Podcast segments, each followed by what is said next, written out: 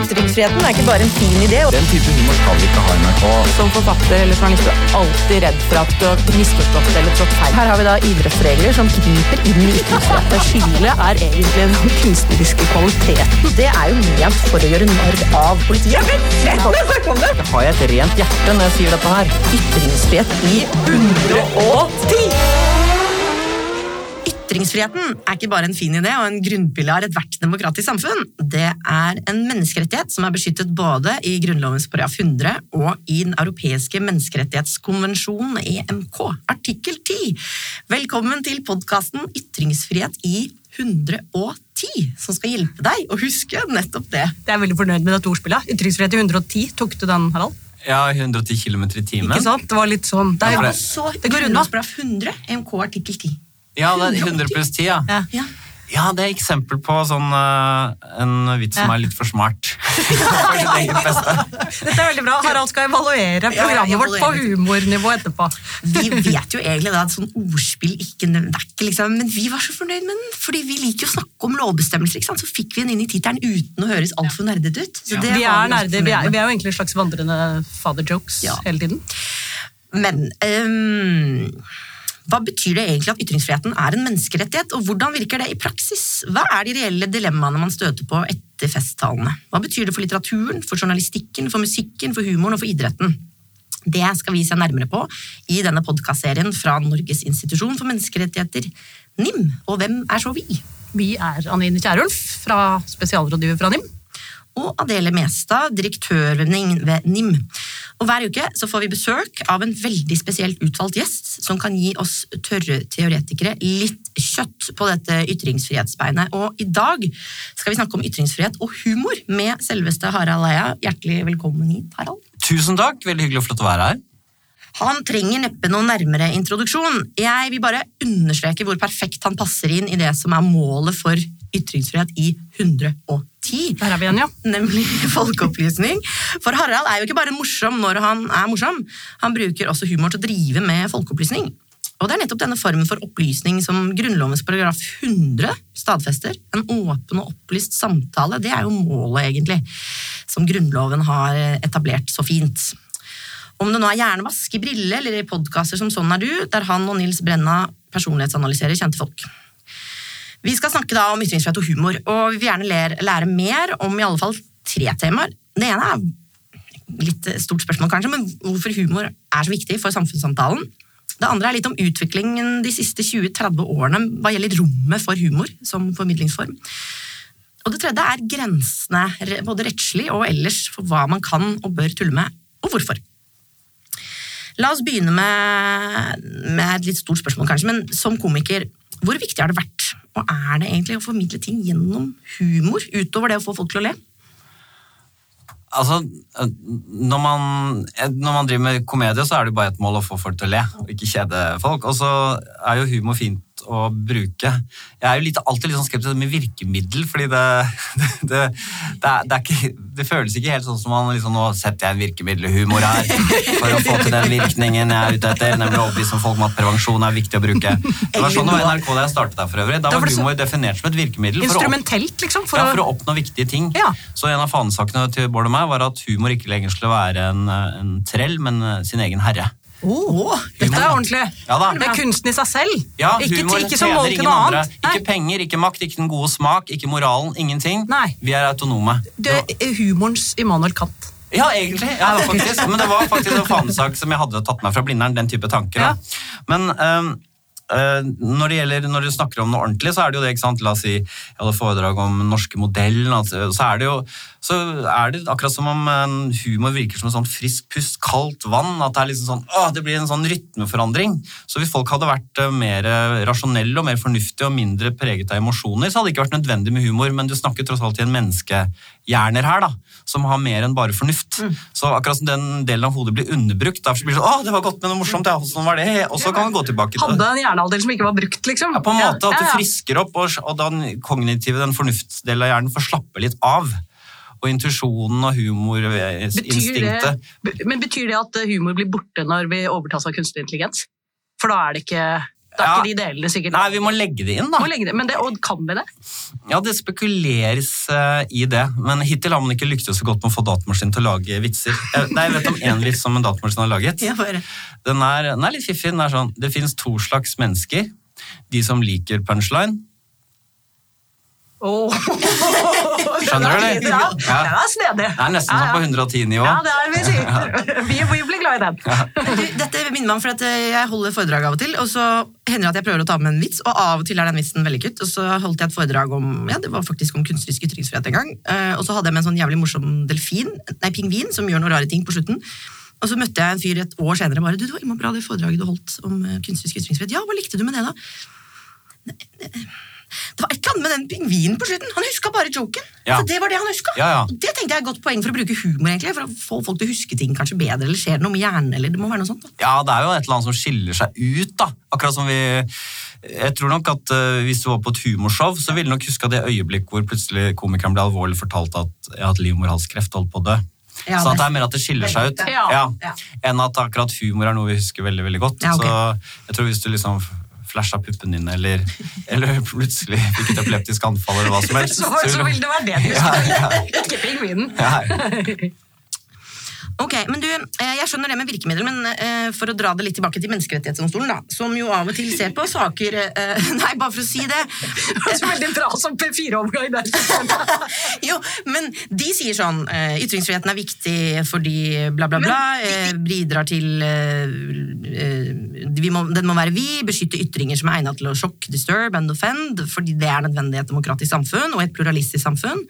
Og så sier de sånn kunstneriske ytringer og humor er nødvendig for den brede samfunnssamtalen som liksom bygger opp under demokratiet. De anlegger en veldig prinsipiell tilnærming også til humor, selvfølgelig, eh, som ytring. Eh, fordi, på grunn av det bidraget, da. Så det er derfor vi snakker om det som en Ja. som virkemiddelperspektiv. Ja. Men, men ellers er jeg jo helt enig i at eh, Men det er jo interessant det der, fordi hvis du ser på de tre begrunnelsene på ytringsfrihet, eh, autonomi, som er egentlig den Kant-begrunnelsen, Ja. eh, ikke som mål til noe annet, men så, middel til noe annet, men som mål i seg selv. Men så er det de to andre begrunnelsene, eh, demokrati og sannhetssøken. Det er jo egentlig sånn konsekvensialistiske begrunnelser. Altså Ja. Man snakker om ytringsfrihet ikke fordi den er viktig i seg selv, men fordi den bidrar til noe større, som er kjempeviktig. Ja. Demokrati og sannhetssøken. Og det er jo egentlig de to kollektive eller instrumentelle begrunnelsene som bærer mye av praksis, både fra Menneskerettighetsdomstolen er og. Høyesterett. Det er veldig sjelden at den der autonomibegrunnelsen er oppe. Den har vært oppe i sånn Forklar det autonomi bare litt grann nøyere. ja, det er sånn, Jeg er eh, en slags blank tavle eh, som skal danne meg selv til å bli samfunnsborger. Det klarer jeg ikke hvis jeg ikke kan prøve tankene inn i hodet mitt på dem rundt meg, og ta til meg det de mener. Da blir jeg meg. Det, er- så det er på en måte fordi jeg har et menneskeverd i meg selv. Det menneskeverdet kan ikke utvikle seg uten både ytrings- og informasjonsfrihet. Du Så blir det til i møte med andres ytring, liksom. Ja, så Det er den autonomibegrunnelsen som jo er tett sammenknyttet egentlig med personvernet. Mm. Jeg må ha det frirommet til å tenke over alle disse tingene som jeg lærer der ute i verden. Og Den er veldig sentral eh, som i fremveksten av ytringsfrihet som idéhistorisk størrelse. Og som gjør at vi, vi mener det er veldig viktig å beskytte den rettslig også. Men den er ikke så ofte fremme i de rettslige debattene. Eh, Jeg tror kanskje bare komme på ett eksempel i Norge, og det er sånn Ja, for så vidt litt dette som har vært oppe med i forlengelsen av metoo, da. Kan du si at du ble voldtatt av noen fordi du opplevde det selv? Hvis du ikke har noe bevis for det. Nei, det kan du ikke nødvendigvis, for det er ærekrenkende overfor den du sier det om. Og hvis du sier noe som er veldig belastende for noen, så må du nesten kunne støtte opp om det med noe bevis. Men da er det sånn, men hva med meg, da? Jeg må jo fortelle min historie. Mm. Ja, det er, det er mulig det, men du kan ikke fortelle den alltid på forsiden av VG. Da får du fortelle den til psykologen din og venninnen din, og sånn, og så la det være der. For ellers går det for mye utover den andre, liksom. Men der kommer den balansegangen veldig frem, da. Men men var det da poenget ditt å si at den autonomibegrunnelsen egentlig er ganske viktig relasjon til humor? Det tror jeg kanskje, fordi jeg tror det er innmari mange innsikter hvis jeg tenker meg om jeg har fått eh, gjennom nettopp altså hvor du, Fordi jeg syns liksom humor er så bra for ofte å snu verdensbildet ditt veldig kjapt på huet. Altså Du har liksom, du ser på en ting på en måte, og så plutselig så kommer en eller annen sånn litt skeiv ytring gjennom humorhjernen som bare Oi, dette hadde jeg ikke tenkt på. Eller at man, den er liksom veldig egna til å snu virkelighetsoppfatningen din på hodet. Er det, er det noe? Ja, altså Det er litt sånn Som komiker så kan man eh, Så vet man noe sånt til daglig, så hvorfor, hvorfor det er viktig med humor. Og så er det enkle svaret er at folk liker det. Folk liker å le, ikke sant? ler og blir glad. Så- så det- ok, ja. Så det komikere gjør, er at vi alle har noen Evolusjonen har gitt oss på en eller annen mystisk måte noen humorsans. At vi har, kan le av ting. Og det komikeren gjør, han spesialiserer, eller hun spesialiserer på å trykke på de emosjonelle knappene, for, å, få- for det er godt der som å kile, liksom. eh, og, og så er det, det litt sånn de større klærne man kan ta på seg, og si at det er veldig viktig med humor i et samfunn. Og det er klart det er veldig mange komikere som, eh, hvis du ser på materialet så kan du vel ikke si at du gjør en veldig, veldig viktig jobb i å på en måte verken fremme Eller at det har noen konsekvenser, det Autonomigreiene er jo nå sin sak, men sånn konsekvenser for at det får gode konsekvenser for samfunnet. For de fleste vitser og sånn handler jo om underliv og sex og sånn, og spiller på fordommer og alt mulig sånn, så det, hva skulle det hjelpe oss? Men jeg er enig, enig med at det er humor på sitt beste, og det skjer veldig ofte, og det rareste folk kan gjøre det, er at det påpeker et eller annet som ikke henger helt på det. en vanetenkning, at vi har blitt enige om at ikke sant, eh, vi, Plutselig så har vi sluttet å kalle det for krigshandlinger. Vi kriger, vi dreper ikke. Det er noe annet, det er noen spesialoperasjon. Vi dekker til. Språket liksom, hva er det vi, gjør? Og så kan komikeren være den første som caller bullshit. Det er litt sånn Keiserens nye klær-aktig. Og det kan føles veldig sånn det, det den, Å, det var befriende, å, det var godt. For jeg var litt sånn låst fast i et tankemønster. Og sånn sett så er det nyttig å ha noen sånne folk Ja. som eh, er litt slitsomme, og irriterende, og de tar ingenting på alvor, men de, de er innmari gode til å finne fram til der hvor det er et eller annet som Det er noe rusk her. eh, noe rart, og det, er, og det tjener vi alle på, tenker jeg da. Fordi vi andre vi er liksom redd for å si at keiseren er naken, fordi da er vi litt sånn redde for å framstå som dumme, mens komikeren han kan liksom drive på. Det er ikke så farlig. Altså, du har liksom et ganske sånn stort rom egentlig for å nettopp Har på de klovneklærne, så det er Ja, greit. det er det, kan le av det, det går Ja, ja. fint. Ja, liksom. Det er veldig farlig som komiker hvis du alltid prøver å være så smart. Det er sikkert litt skummelt, ja. Ja. Det er fristende å gå dit. Mm. Eh, men du må, være, du må være litt sånn naiv som et barn. på en måte. Til og med Knut Nærum i Nytt på Nytt, som jo er veldig smart. Akkurat som han later seg en sånn derre Jeg kom hit Jeg ble født i går, jeg. Så jeg bare leste avisen. Dette er jeg har å si. Det er da pussig, det. ikke sant? Så det er riktig. Så det, og det, så det er noe mer enn bare den gleden eh, vi har ved å le. Så er det akkurat som det føles som det er noe viktig. og det jeg personlig, og dette har jeg lest meg til, da, så det høres ut som jeg nå tenkte meg selv, men det er en sånn gleden over å finne feil i resonnementer. Det er en sånn, jeg tenker at det er en slags sånn mental belønning. Akkurat som du oppdager noe nytt. Ja. Å ja, du kan, du, du kan liksom Jeg kan eh, f gjøre det isteden. Uh, da kan jeg få vann til hytta ved å legge ledningen Eller hva nå. Jeg kan brense såret på en sånn måte. Dette er dårlige eksempler. Men denne gleden over å skjønne at du har tatt feil, det er på en måte vitsens eh, eh, Det er årsaken til at vi har denne humorsansen. Er det, er det forståelsen at du selv har tatt feil, eller er det det at du ser at noen andre Andre eller du, ja. ja. så De som ikke ble norsklærere og skrev sånne leserinnlegg? ja, Det er dem vi redder. Eh, Ja, vi, men vi? Eh, Det går på så mange nivåer. Sånn, en eller annen eh, pompøs person går bortover, og så detter ned et kumhull. Chaplin, på en måte. Ja, ja. Hvorfor lever jeg av det? Jo, det er fordi det er godt å se han der eh, selvhøytidelige dusten Ja. bli utsatt for tyngdekraften som han ikke Han var så høy for seg sjøl at han ikke så at det var et hull i bakken. Og det er veldig mye sånne så det, det er på en måte og det er, På samfunnsnivå så er det nyttig å ha sånn, den type feil, gledesfylt feilpåpekning. Da eh, tenker jeg. Så Derfor er det, tenker jeg at de store klærne komikerne noen ganger ifører seg, og blir krevd å iføre seg, har en viss legitimitet. Men sånn i daglig virke så eh, oppleves det ikke som man gjør en viktig jobb. Men altså, ja, du har jo hele veien fra sånn slapstick til eh, sånn ganske intelligent eh, politisk satire. Og det er kanskje den siste biten. Der er det veldig lett å se Det er veldig lett å knytte an til de der ytringsfrihetsbegrunnelsene om demokrati og Ja. sannhetssøken og sånn, for da blir det så veldig tydelig. Men eh, man tenker jo ofte på ytringsfrihet som min rett til å si alt det tullete jeg vil. Ja. Men når, det, når vi snakker om humor og hvorfor den er så beskyttet som den er, så er det ikke stort sett av hensyn til den enkelte komiker. Det er fordi vi skjønner at vi her ute vi må høre tullball Ja. for å få nye Ja. tanker. Ja. Så det er veldig tydelig at det er informasjonsfriheten Ja. som gjør at vi beskytter dette så sterkt. Ja. Ja. Jeg skulle gjerne sett en undersøkelse som eh, viste i hvilken grad liksom, humor var akseptert og, og populært, og ja, det var høyt under taket, og hvor høyt liksom, man skåret på FNs indeks for menneskelig utvikling. Om det var en sammenheng, da, for du, du føler veldig med autoritære regimer. Det er ikke akkurat moro og tull som preger dem. Nei, nei. Nei, og Hvis det er det, så er det ufrivillig komikk. Ja, ja, det er det akkurat det. Sånne Ja, diktatorer ja, nettopp. Men det er et godt poeng, egentlig, for de monitorerer jo ganske mye på det. eh, det ytringsfriheten skår, og Norge scorer jo kjempehøyt, men i noen av de der, det finnes jo egne parametere for liksom, eh, kunstnerisk ytringsfrihet. da. Og da ser man jo på, Men det er liksom særlig satiretegninger og sånn som man monitorerer på. De er en veldig utsatt gruppe veldig mange steder i verden. Men mer den der generelle humoren, den vet jeg ikke om det egentlig finnes noen sånn veldig gode, gode parametere for. Om liksom samfunn som åpner opp for at du kan tulle veldig bredt med politiske eh, ting, for eksempel. Da. Eh, Hvordan de scorer på de parametrene i forhold til andre. Ja. Altså, den, så spesifikt tror jeg kanskje ikke de Det er jo ikke så lett å måle Det er jo ikke så lett å måle heller. Visste du at ytringsfrihetsorganisasjonen Norsk Penn ga i år sin årlige pris for fremdragende innsats for ytringsfriheten Osietzky-prisen til satiretegnerne i Norge? Man ønska å hedre Norges stolte tradisjon for satiretegninger med sin viktige betydning for samfunnet, og samtidig rette oppmerksomheten mot situasjonen for dagens tegnere. I det siste er det rapportert om flere trusler og sensurforsøk enn vanlig.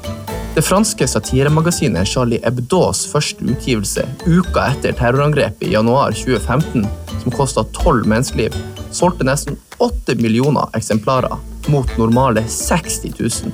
En rekord i fransk presse. Hashtaggen Je suis Charlie ble raskt et av de mest populære i Twitters historie, og hadde blitt brukt mer enn 3,4 millioner ganger innen ett døgn.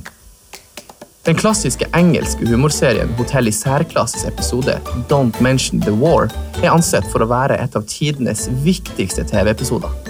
Ble i juni 2020 etter George Floyd-demonstrasjonene fjerna fra BBCs streamingstjeneste som følge av rasistisk språkbruk. Fjerninga ble kritisert av bl.a. hovedrolleinnehaver John Cleese for ikke å ta hensyn til konteksten.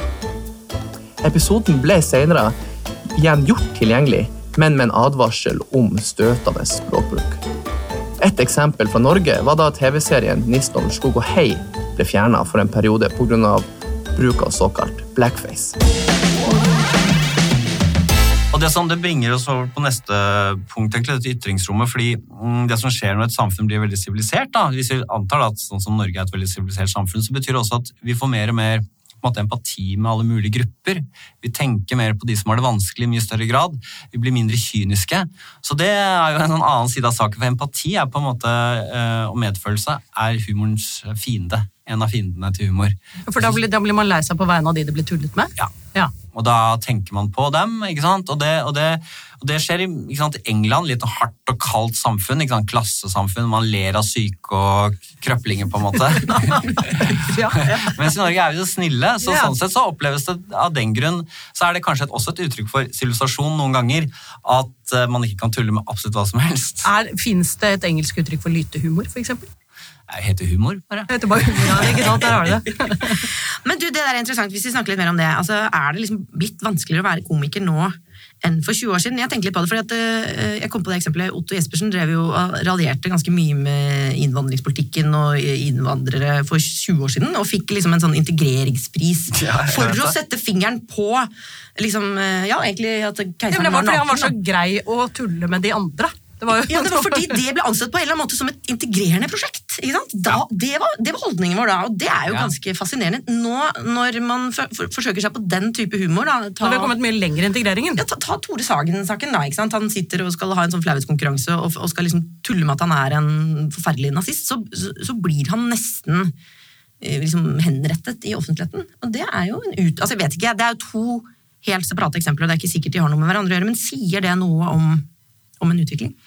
Ja, sånn som jeg har tolket det der, som du, du sier der, er at øh, det er helt riktig. Først var det akkurat som å, det tuller med oss, det, nå er dere en del av gjengen. Da er vi med, liksom. Ja, men nå har dere blitt med i gjengen, og nå stilles det litt andre krav, for nå er de liksom med på festen her, og da finner de seg i å bare Du vet, hvis du er ny et eller annet sted, på en arbeidsplass, blir du tulla med og lurt litt, og hent sleggefett og uh, og Det er moro, liksom. Ja, det er i hvert fall Det er litt sånn erting. Ikke i den bransjen dere er jo, da har folk så Det er respekt så- for. Ja, det er ikke så mye slegger der. Jeg lurer, jeg lurer folk på jobben hele tiden. Ikke sant? Jeg viser dem feil sted, til feil rom som ikke fins. Og sånn. De Ja, går rundt og surrer. Men så er det først en i varme, så finner du ikke i det lenger. Så det er sånn jeg tenker litt på det. da. Um, men, så det er jo, er det blitt vanskelig å være komiker? Ja, på en måte. Altså, det er jo øh, Det er blitt vanskelig hvis du er vant til å få folk til å le på 90-tallet, sånn som jeg var vant til. Det var ikke så mange dere ikke tullet med. Nei, det var, det var så grenseløst. Ja, så det. vi er blitt eh, litt mer sånn øh, Mens de som er unge i dag, har det mer under huden. Nei, vi kan ikke, vi kan ikke gå dit. Nei, det er sexistisk. Så de har det sånn intuitivt Mm. uh, i deg. Fordi som, som, som komiker så er det jo um, Hva er det du skuler til når du skal ta en vurdering om en vits er innafor eller ikke? Det er ikke om det er etisk innafor, eller om det er i tråd med norsk lovgivning. Det er om folk ler. Og publikum er moralske mennesker, de. De har jo moralske Jeg følelser, så de liker ikke Teller du med noen med kreft, så tenker du ja, det er tull med det, liksom, men øh, ja, tanten min har hatt det, er veldig syk, og det er ikke så veldig morsomt, faktisk. Derfor så ler de ikke. Nei. Så, så da, og da må, det må komikeren ta hensyn til, istedenfor å insistere på at jeg vil tulle med dette mørke, dystre. Ja, For der er komikeren mer politiker enn dommer. egentlig, For det er popularitetskonkurranse å være Ja, skal du, skal du, hvis vi hadde hatt en humor i Norge som var statsstøttet, så hadde vi ikke tatt hensyn til det. Men det har vi ikke. Vi lever på det åpne, frie marked, Ja, ja. og da må vi tilpasse oss publikum.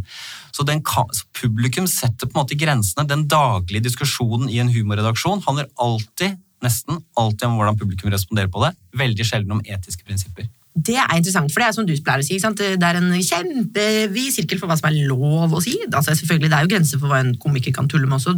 Du kan gripe for langt inn i privatlivet til noen, for eksempel. Hvis du sitter på en podkast og liksom kommer med masse utleveringer av folks privatliv, det kan jo faktisk være straffbart. Ja, selv om det er morsomt. Eller fremmer hat. Altså at det, liksom, det er så lite morsomt at du på en måte At det egentlig må oppfattes som en trussel. Eller, ikke det, er, det er noen grenser for hva du kan si, og den er veldig veldig vid. Og så innenfor det så er det noe sånn etikk og moral som vi har snakket ganske mye om her så langt. Men det du sier nå, er egentlig Vi må, liksom, vi må se på bare Er dette morsomt? Men er det helt sant at i den vurderingen av er dette morsomt, så er det bare det dere tenker på? Eller tenker dere også litt på sånn «Mm, Forrige gang noen tulla med det, så ble det jævlig mye bråk. Altså, Men er ikke, det er jo ikke etikk. Ja, det er er det- riktig, men uh, det er, det er som regel sånn at de tingene som blir innmari mye bråk om, det er ikke sånn at folk har ledd seg i hjel av det heller. Nei, Eh, nettopp. så det er klart det har ikke vært morsomt nok. Nei, hadde det vært sånn at vi for eksempel fant på en eller annen karakter som eh, eh, liksom halve Norge lo seg fillet av, og, og 20% ble klin gærne av, hadde jo fortsatt med det ganske lenge. eh, selv om det ble pepper. Så, men et, på et eller annet tidspunkt så er det jo et regnestykke her. ikke sant? Jeg vet jo sånn, Morten Ramm har jo sagt rett ut, han vil ikke tulle med islam. For han vil, gå med, han vil ikke gå rundt på tøyene og være redd. Nei. Så det gidder han ikke, liksom. Så det er klart, de hensynene tas, og innimellom orker vi det peset. Hun og han de liksom, gir seg aldri, liksom. Men ofte så gir man blaffen i det, fordi øh, vi, Også litt fordi vi stoler på disse gode menneskene som ler. De er ikke, man har ofte et bilde at de sier sånn hæ-hæ-hæ. En eller annen sånn, noen gutter på 17 år er sånn, ikke sant. Når du underholder publikum, så hører du plutselig den der pubertetslatteren. Og da vet du sånn Nei, nei, nei, nå, nå, bomma jeg her. Nå traff jeg noen uten sjel. Men de fleste har veldig etiske Du skal ikke henge ut folk sånn, privatliv på den måten der, og utseende og alt mulig sånn. Så da, det, vi, det vi, man erfarer da, når, vi, når man blir var på folks empati, er eksempel tulle med kvinners utseende. Uh -uh. Tulle med menns utseende? Ja. Det er innafor. Skjønner du? Så det er noen folk har mindre empati med, og så er det noen som er mer empati med. Jeg husker en gang vi hadde en sketsj vi hadde en kvinnelig kortvokst med. Da tok vi det om igjen med en mannlig kortvokst, da blir det mye morsommere.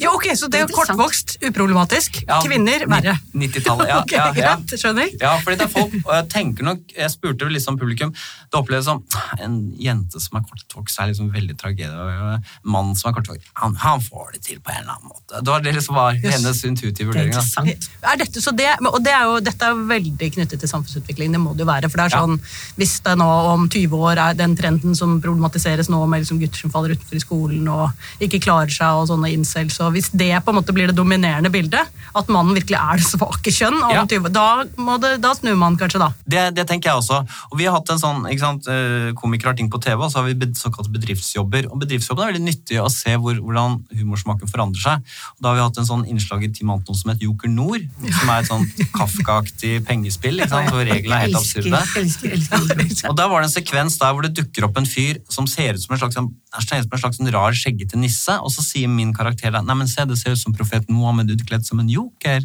sier jeg. og så sier han, ikke sant, det, eh, det skulle du ikke sagt, nå kommer jihadistene og bomber, ikke sant, alt mulig sånn. Og folk flirer og lo av det i bedriftsjobbene, og så lo de mindre og mindre, og til slutt så kom en sånn sjef bort til oss, kanskje ta ut det der. Med Mohammed-jokeren, liksom. Og da spurte vi liksom folk hva er det for noe. Er det fordi de er redde? Nei, det er fordi vi vet at det sitter en del muslimer som jobber på dette stedet, og de blir lei seg av det. Så drit i det, liksom. Så det var en veldig konkret erfaring av det, da. Det, og det tenker jeg er ganske fin erfaring å ha med også, da, fordi kritikken mot å gi seg på den type akkurat tulle med Mohammed-humor, det er jo at man er redd. Så, og du skal ikke la deg styre av frykt. Men nei, det var ikke det. Du var på samme måte som egentlig mange andre ting. Du lot deg styre at noen etter hvert syntes at det var ikke så hyggelig. Ja. Ja. Publikum er sjefen, og vi er liksom horene, og vi kan ikke insistere på at noe er tiltrekkende når det ikke er det.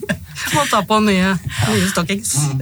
Men hvordan er det annen type utvikling, tenker du, det er jo innmari godt eksempel, på liksom hvordan offentligheten har endret seg sånn til ting som var morsomt før, eh, ikke lenger er det. Hvis man ser tilbake på sånn type debatten om blackface i bruk av nissen over skog og hei, hvordan det ble mottatt da, hvordan man diskuterer det nå, reflekterer det også en samme type utvikling, tenker du? Ja, og det, det, er, det er en annen ting som har skjedd også, at før så tenkte man kanskje, eh, er sikkert noen som blir sure av dette, det, det, det er fordi det er deres problem. Se på noe annet da, ikke sant? Holdningen. Men nå er det akkurat som man har mer oppe at det er noen som blir fornærmet. Man har vet om at det er noen som blir fornærmet og lei seg. Så derfor er det mye mer sånn at jeg synes det var kjempemorsomt det dere gjorde der, men jeg tenker jeg fikk mye jeg, jeg har ikke turt å si det. Skjønner du? Den type holdning.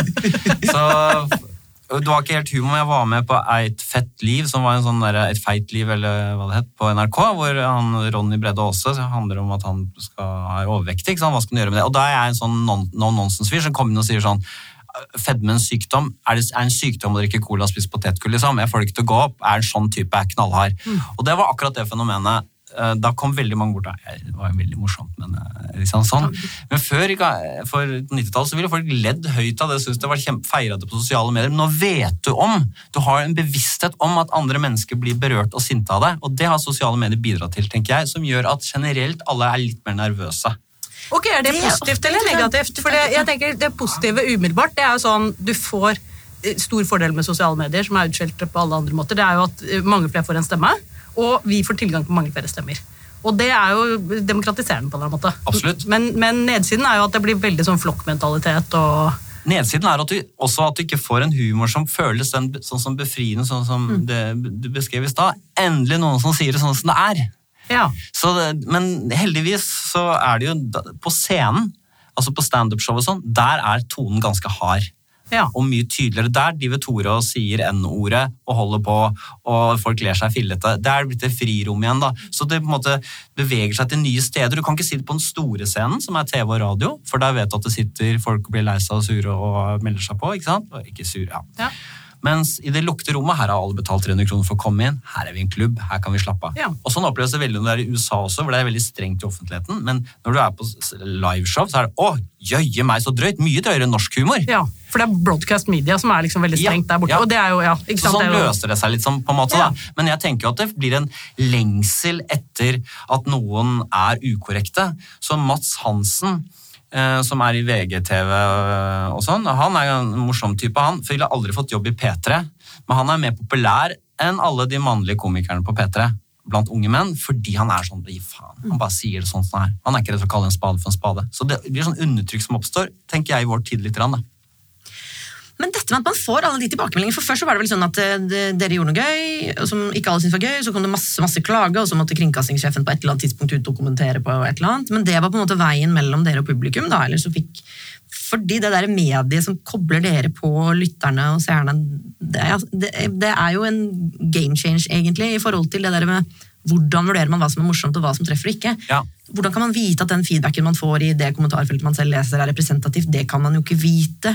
Det er mye mer vanskelig å manøvrere på et vis, for du får så Ja. innmari mange meninger på som du ikke ville fått før. Nei, og det, det, dere har jo vært opptatt av den chilling-effekten. ikke sant? Og det, er, det som skjer da, er at du Som komiker så jobber du med publikum, men du har jo noen ledere over deg også. Og de er jo veldig vare på å, det har vært Twitter-storm. eh, Twitterstorm. liksom. Ja. Og så prøver jeg å si de sånn, ja, du, se hvem som gjør det. er noen kranglefanter og masekopper som det er 20 stykker som får med seg 100 til, og det er det. Akkurat liksom. det. Ja, og og da, da blir de redde, ikke sant? Ja. Og de stormene kan jo fint også være veldig veldig styrt. Det vet man jo. ikke sant? Det er jo Ja, ja. noen miljøer som da styrer en storm veldig hardt, f.eks. Men akkurat som komikere er på en måte veldig sånn pragmatiske eh, i forhold til hva publikum liker og ikke liker, så er jo ledere veldig pragmatiske hva folkemeningen, som de har veldig utydelig bilde av, mener og ikke mener. Så de kan ofte være litt redde. Så, så NRK nå, eh, etter det som skjedde med jødesvin på 50-80 ja, og Tores eh, N-gate, så er de ikke mer bråk nå. Det er en tydelig beskjed innad. Og det, var, Utad er sånn, satire er kjempebra, innad ikke mer bråk nå. Og det er jo den tilbake til det du sa i sted, det er den kanalen hvor du faktisk har statens penger i ryggen, så du ikke egentlig skulle bedrive og tenke på hva som var Ja, bortsett fra at de er veldig avhengig av publikums en legitimitet, da, at de føler at eh, de gjør gode ting. Ja, men da blir det jo ikke nødvendigvis Det er ikke den- uavhengig fripenger du får fra statens Nei, eh, jeg bare tenker at da, da mm, Man kunne jo tenke seg at det var viktig å ha en, en eh, nasjonal eh, TV-kanal eh, som var statlig støttet, fordi den kunne gi rom for en type ytringer som ikke var kommersielt for øvrig. Som ikke Ja. TV Norge eller Nei, andre da, det, det, det er liksom, Her er det et typisk eksempel på hva man sier og hva som gjelder Ja, innad. Det er seertall og lyttertall og er veldig, eh, styr, er veldig viktig for NRK. For jeg er redd for å miste legitimitet, for plutselig en dag så sier noen her det er ingen som hører på dere og ler av dere, så hvorfor skal alle betale for det? Så, og så er de opptatt av noen målgrupper, så kald og kynisk humor eksempel, det er jo folk med høy utdanning som liker. Altså sånn Larry David, en amerikansk komiker, han, den type humor skal vi ikke ha i NRK. Det er blitt sagt rett ut. Um, vi skal nå med hjerte og varme og, og sånn. Så det er mange andre hensyn enn akkurat liksom å være fanebærer for cutting edge, knallhard humor. Men det er interessant, da, for det, er der hvor du på en måte får noen begrensninger på den reelle humorfriheten eh, av kommersielle grunner andre steder. Så får du det eh, på samme måte i NRK. Bare at man tenker ikke bare penger, man tenker bare penger på litt lengre sikt. Ja, det er riktig. det er riktig. Eh, Så, det er, eh, men, da- så da må han kjempe da, ikke sant? for mot redde ledere. Og noen ledere, min gamle sjef Charles Halvorsen, er nullredd. Han er jo etterlevning fra 90-tallet sjøl, så han har jo ingen Ramla av gryten som liten. Ja. Det. Men du, det vi har snakket litt om her, for Noen ganger så er jo metadebattene tilsynelatende veldig oppheta og, og vanskelig å manøvrere i. Og ørkesløse. Og noen Og sier nå må vi slutte med de metadebattene, sier folk da. Ja, men jeg tenker av og til at metadebatten er veldig bra. For eksempel når eh, Siv Jensen tok på seg på Kontaskostyme, så fikk man en kjempestor debatt om kulturell appropriasjon, som var et ord som ingen visste om hva var fra før. Og ingen hadde noen gang tenkt over hvorfor det var et problem, og hva det besto i, og på hvilke måter det liksom materialiserte seg. Men plutselig så var kulturell appropriasjon absolutt en problematisk eh, ting. Noe alle visste var. Tilsvarende med blackface. Det er jo en kjempevanskelig diskusjon som dukket opp der. Em, Veldig harde fronter. Men vips, så fikk man sånne fine, interessante kronikker som er sånn Hvorfor er egentlig blackface så problematisk? Hva er linken mellom liksom, blackface i USA? Hadde man det i Norge? Hvem var de? Hvorfor? Hvordan? Og så vips, så fører jo den debatten til at vi lærer masse nytt, som jo er egentlig liksom, den sannhetssøkensbegrunnelsen i ytringsfriheten opp av dagen. Og uten, hvis man hadde selvsensurert den, den humoren, altså tatt, vært, sikker da, hele tiden, så ville jo ikke de debattene kommet. Og det er veldig synd. Det, det er jeg enig i. Det, det, det, har vært veldig mye gøy som har kommet ut av det der. og jeg tenker på sånn... Kunnskap er noe mer enn akkurat det at Ja. man ler. Samtidig så er det jo den debatt som foregår litt sånn blant uh, tak tenkende noe, eller folk som elsker å snakke og, og diskutere sånne type spørsmål. vi som holder på med dette uansett. Så jeg bare snakker med noen av, jeg snakket med noen komikere i NRK, unge jenter, som skulle lage en parodi på um, Fredrik Solvang.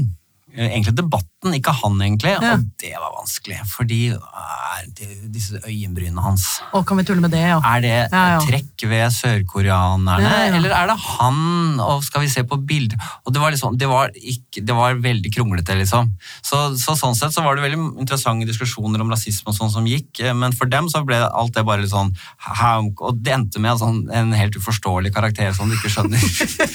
Den lignet ikke. Nei, på en måte ikke. Det var kanskje ikke nødvendig heller. Mens vi hadde jo på, og det var jo veldig synd, da, men når vi spilte samer, så husker jeg jeg har kostyme sammen med Atle, så sier hun kostymet ja, egentlig er den samme hatten du har på deg en kvinnehatt, mens drakten en manndrakt. Ja, samme det vel. Så bare gikk vi i studio. det ville ikke gått nå, da. Så, så sånn sett så er det jo interessante debatter, men det er ikke noe tvil om at um, det, det gjør en litt nervøs, for de fleste komikere er jo ikke fremragende, følger ikke så godt med på disse tingene, de bare vet at dette er veldig betent.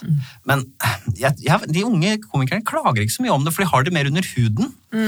Eh, så så er de jo- finner nye områder, men eh, vi eldre komikere eh, går jo vel stille sinne og sier herregud, så barnslig det har blitt nå. Liksom. Det er bare tull med sånn eh, Jeg skal ringe til mora mi og si at jeg feis i stad. Sånn, sånn stunt og sånn. Oi, oi, meg. Så det er jo, men sånn er det jo med generasjoner. Det nye nå er at den, den eldre generasjonen syns at de unge er eh, kjedelige, da. Ja, ja de, de er ikke for vovede. De er Nei. for lite vovede. Ja. Men det er veldig interessant det du sier der, eller det dere snakket om med de debattene. fordi det er vel ikke egentlig debattene som, som eh, gjør oss altså, øh, Jo da, de gjør det. De er selvfølgelig en nødvendig del av dette her. Men, men den delen du ikke klarer deg uten, det er det som skapte debatten i utgangspunktet. Nemlig Tore Sagen. Eller eh, Siv Jensen og Pocahontas. Eller alle disse tingene som noen reagerer på. Det er jo en side ved ytringsfriheten som ikke ofte er så mye fremme. Da. Vi tenker jo at ja, ja, men det hadde vært fint hvis bare de veldig unødvendige ytringene bare, eller uttrykkene ikke var der. Om det var hakekors eller kulturelle appropriasjoner, eller hva det var for noe. Nei, det var egentlig helt nødvendig at vi så det. fordi Ja. ellers så ville vi aldri hatt den diskusjonen der. Og det er jo litt når du sier at uh, den menneskerettighetsdomstolen er sånn med store ord og 'also those that shock, offend and disturb' og disse Jo, ja, det er nettopp derfor. For det er det som provoserer oss til å ta til motmæle og skape demokratiet nedenfra. liksom. Ja, ja, men det er fint sånn måte å se det på, ja. ja. Mm. Men um, i disse mm, debattene, da, disse stormene som kommer um, Du har jo stått i noen selv, og da er man jo litt sånn mm, tøff i trynet og jeg er komiker og sånn, men det må jo på et eller annet tidspunkt liksom treffe. Altså Alle mennesker har jo hudlag i varierende tykkelse, men, men på et eller annet tidspunkt så treffer det og er ubehagelig, ikke sant? Ja, ja, veldig. Det gjør det. Det er ikke noe gøy. Det er ikke, noe, det er ikke sånn, eh, det ofte er det sånn å, nå, nå koser de seg, nå koser de seg. Sånn. Nei, nei, det er bare stress. Så det kan, ofte kan det være sånn, flere ganger når vi holdt på, det var mye bråk med kyllingstunt og alt det der, så har både Bård og jeg eh, konstant diaré, fordi vi er så stressa. Sover dårlig. Ja. Helt, men samtidig som det er full jubel, seertallene går i vær og sånn. Så personlig og det profesjonelle går ikke hånd i hånd sånn Nei. sett. Og da, da er det klart, da- det er ikke mange sånne, det er visse mennesketyper bare som orker for mange sånne fighter. Så bekymringen har vært litt grann når det gjelder rekruttering, er at du får litt sånn ufølsomme, harde typer som slår seg opp og fram, mens de litt sånn frekke, følsomme, de orker ikke. Så det er kanskje litt, du får en litt sånn skjev rekruttering, og det er jo, du kjører jo selv at det er litt sånn, favoriserer gutter litt, grann, ikke sant? Som eh, gir fingeren til verden, og det er kul ting, mens for mange damer har lyst til å bli likt. Ja. Eh, sant? Eh, Så da mm, Det er en uting, syns, jeg, da. Eh, Men eh, nå er jeg så gammel at jeg, interessen min har gått andre steder. Men jeg også begynte å kjenne på en viss nervøsitet etter hvert. Jeg gruet meg litt. Og det er ikke noe bra for kreativ prosess, som i humor skal jo være veldig sånn der fri og bekymringsløs. Dette er bra. Frekk og følsom, det syns jeg var veldig fint. Frekk og følsom, ja. Ja. ja det, der kjente du at dette Den- den, den, den, den, det, det er det, meg. ikke sant? Det er jo liksom, Man tenker ofte at de frekke ikke er det, men de er jo ofte det òg. Anne-Kat. Hærland er det. Ikke sant? Det er jo det. Det er lett å tenke liksom, at um, den frekkheten betyr at du har verdens tykkeste hudlag, men det er jo ingen mennesker som har det, egentlig. Um, skal vi se Dette um, med um, Hva skulle jeg si nå, Anine? Jo, Nei, det vet jeg ikke. Når man, tolker ytringer, når man tolker ytringer, så er jo humor i en særstilling. ikke sant? Fordi i disse, Av og til da, så kommer det saker opp for f.eks. Menneskerettighetsdomstolen, hvor de skal avveie en eller annen komiker som har sagt et eller annet eh, som f.eks. utleverer et privatliv på en måte som man kanskje ikke burde gjort, og så skal man avstemme det da mot privatlivsbeskyttelsen, som man da beskytta i EMK artikkel 8. eh, Og så skal man liksom avveie de interessene mot hverandre. Og Da tar domstolen utgangspunkt i at de må først begynne med å tolke ytringen. Og det gjør man jo da ved å tolke ytringen i en kontekst, og liksom objektivt. Da Da, da sier den de kan jo ikke tolke dette subjektivt. Det går jo ikke, Vi må jo tolke det liksom objektivt ut fra kontekst. Men det er ikke alltid så lett med humor, fordi det er lag. ikke sant?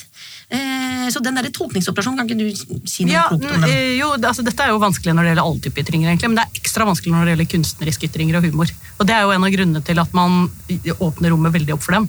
Fordi eh, veldig mange tolkninger er mulig. Altså Jf.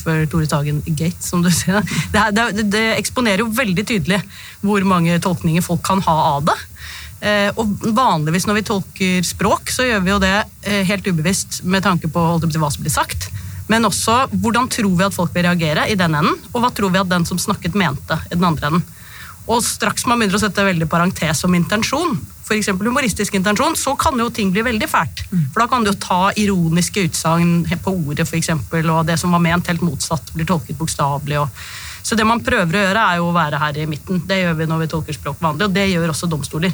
Det er jo ikke sikkert at sånne superlærde dommere eh, som sitter nede i Europa, er de aller beste til å tolke nye former for humor, f.eks.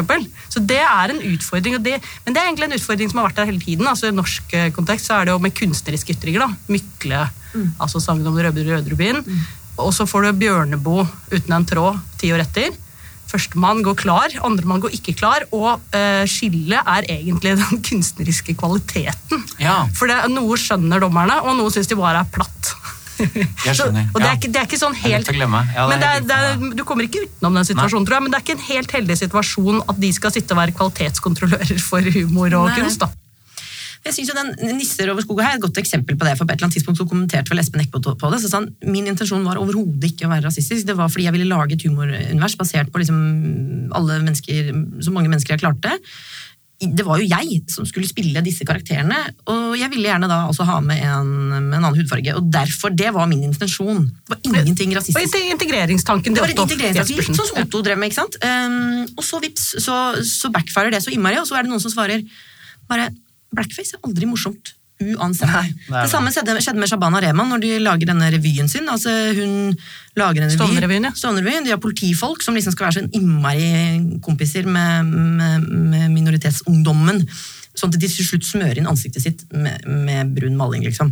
Og det er jo ment for å gjøre narr av politiet.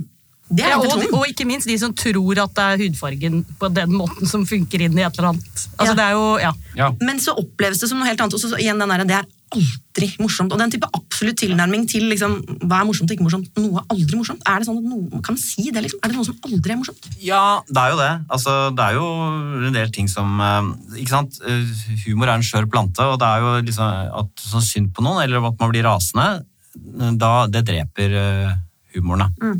Sånn at uh, det er ikke så veldig Du skal være ganske sånn knallhard for å synes at incesthumor er veldig morsomt. Eh, ja. Så det er da, ikke sant, eller sånn, jeg har jo opplevd, um, ikke sant, har fått et sykt barn som døde og sånn, og jeg kjenner jo selv at det er noe tull med sånn sykehjem, jeg synes bare ikke det er noe morsomt og sånn, men jeg driver jo ikke og sier sånn, det er aldri morsomt med streng min, jeg er bare sånn, jeg ser en litt annen vei og venter til at det går over. Så jeg, jeg vet jo, det, sånn er det, det er en psykologisk faktum. Um, men det er klart det er litt verre å argumentere for, en, en komiker vil aldri gå inn i en sånn diskusjon, fordi man respekterer publikums vurdering. Men da vil jeg si at det er veldig mange som ler av dette her, da. Um, så, men det å tolke et humor Jeg syns det er fryktelig vanskelig, fordi når Espen sier sånn, Espen Eckbo sier det var aldri rasistisk ment. Nei, det var det, det var det på en måte ikke. Men hva er det man egentlig mener når man sier noe morsomt? Jeg men, man mener jo ikke sånn som man mener at eh, det har vært, eh, det har, det har vært Klimaendringene har kommet, eller dette har vært en fin sommer. Man mener ikke Man skal bare få noen til å le, ikke sant? Og så man, har man ikke lyst man, har, Intensjonen er jo ikke å være rasistisk. Nei, selvfølgelig var det ikke det. Det er jo ikke sånn at Espen egentlig er rasistisk, og så bruker han humor som en våpen for å Skalkeskjule Skjule det, liksom. ja. Så han hadde ikke det tanken og sånn, så jeg syns det er veldig jeg synes det er alltid veldig, Det er akkurat som du flytter en type en organisme over i en annen dyrerike, og så krever du liksom å Er det en, eh, et pattedyr, eller er det ikke Nei, men det er Det passer ikke i sånn boks. Nei, det passer Nei. ikke i boksen her. Men- Men, man må jo gjøre det på den måten, men jeg har ikke noe klart svar på det. Nei, men jeg tenker det, det er jo grunnen til at vi, selv, vi legger jo ikke bare vekt på det som mm, ytreren mente. Når Nei, vi tolker. nei. Fordi, eh, og det er jo hele poenget, særlig med den kunstneriske ytringsfriheten. Det er jo ikke ytringsfriheten til kunstneren, det er jo informasjonsfriheten vår. Ja, Fordi ja. vi kan tolke det på tusen måter. Ja. Så det gjør at noen av oss får den der oppvåkningen som du snakket om, og plutselig reaktivert den der hjernedelen som ingen hadde pleiet på en stund. Ja. Og, ja. ja. Nei, nei, så det er jo øh, Men det var fryktelig leit, øh, selvfølgelig, det derre Jeg kjenner jo den, den, det mennesket som er utgangspunktet for den uh, karakteren til Espen. som er en redigerer, som er akkurat sånn. Han er utrolig flink, men han har en veldig langsom energi. Og jeg, jeg hørte Espen gikk og hermet han veldig mye, for hver gang ja, er vi nødt til å klippe det om. Kan vi ikke bare legge på noe trist musikk, da, så vil det funke på den måten? Han var en sånn type. Han, og det hadde selvfølgelig ingenting med at han hadde mørk hudfarge å gjøre. Det, det som var morsomt med han, var jo ikke at han hadde mørk hudfarge, det var jo at han var treig. ja, det var akkurat det, og så var det noen som klarte å henge det på. Det fins en stereotypi om at mørkhudede mennesker Ja. er late og sånt. Oh, ja. Det var bare sånn etterrasjonalisering. Så, men der tror jeg hvem kom, Det er et typisk eksempel når TV Norge eh, trekker sjekker det, så er de nettopp sånn som jeg snakket om de mellomlederne i NRK, de er redde for omdømmet sitt. ikke sant? Så da klarer ikke de helt å vurdere er det 100 aktivister, eller er dette folkemeningen. Og så etter hvert så tror jeg de bestiller en liten meningsmåling, og så ser de at alle syns nesten syns det der var kult og helt teit å ta det bort, og så bare kommer det tilbake med en liten sånn mini-advarsel Ja. først og sånn. Så det er ikke, folk er ikke i humorbransjen, og det gjelder både komikere og ledere, de er ikke veldig prinsipielle i tenkningen sin. Og når NRK ikke vil fjerne ting fra arkivet, så handler det om at det er så mye jobb. Gå inn der og ta ut og se igjen, og orker vi det og sånn. Så det er veldig mye sånn Det er veldig morsomt. Tilfeldig. Latskapens betydning for. Det helt undervurdert, tror jeg faktisk. Men du, til slutt her, vi må gå inn for landing, men tre spørsmål sånn på rappen her. Hva ville du aldri sagt? Nå må du på en måte si det, da. Ja, ja. Paradoksalt, det der. Ja. Nei, jeg ville, jeg ville, jeg ville Altså, jeg Nei, Det er så vanskelig å svare konkret på det, men jeg prøver alltid å tenke har jeg et rent hjerte når jeg sier dette her? Ja. Eller har jeg noen dårlige motiver? Jeg ønsker jeg å hevne meg mot noen? Ja. Eller er jeg drevet av et pur, en purt ønske om å underholde og lage noe moro? Eh, Så det er min eh, vei... eh, Det er din veileder. Det er, Ja. ganske, det er veldig fint, syns jeg. Det er veldig fint. Hva skulle du ønske noen sa til deg?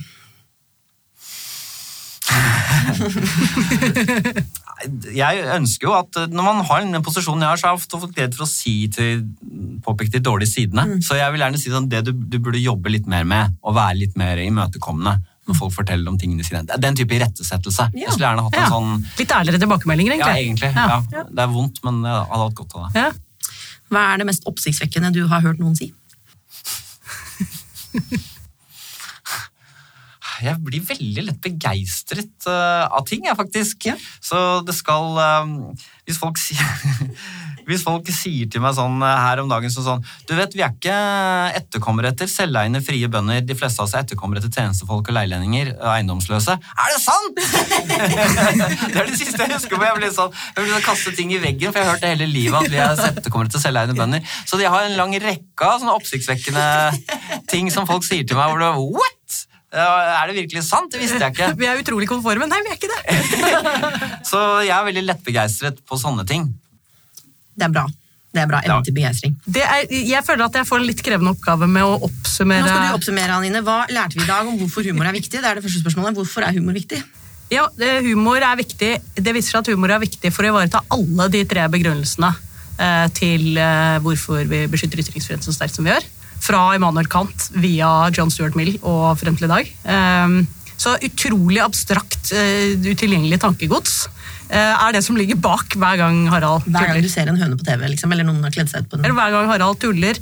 Og jeg synes kanskje det var særlig viktig at humoren ikke alltid skal være et middel til noe annet, men det skal være et mål i seg selv. Det likte jeg veldig godt, og det, det er jo litt sånn kunsten lever. Uavhengig av hva kunstneren mente, og på, på tvers av alle de tolkningene vi hadde av, den kunsten. Så det, det synes jeg var veldig fint. Eh, og det brakte meg over på det med tolkning, som vi var inne på til slutt.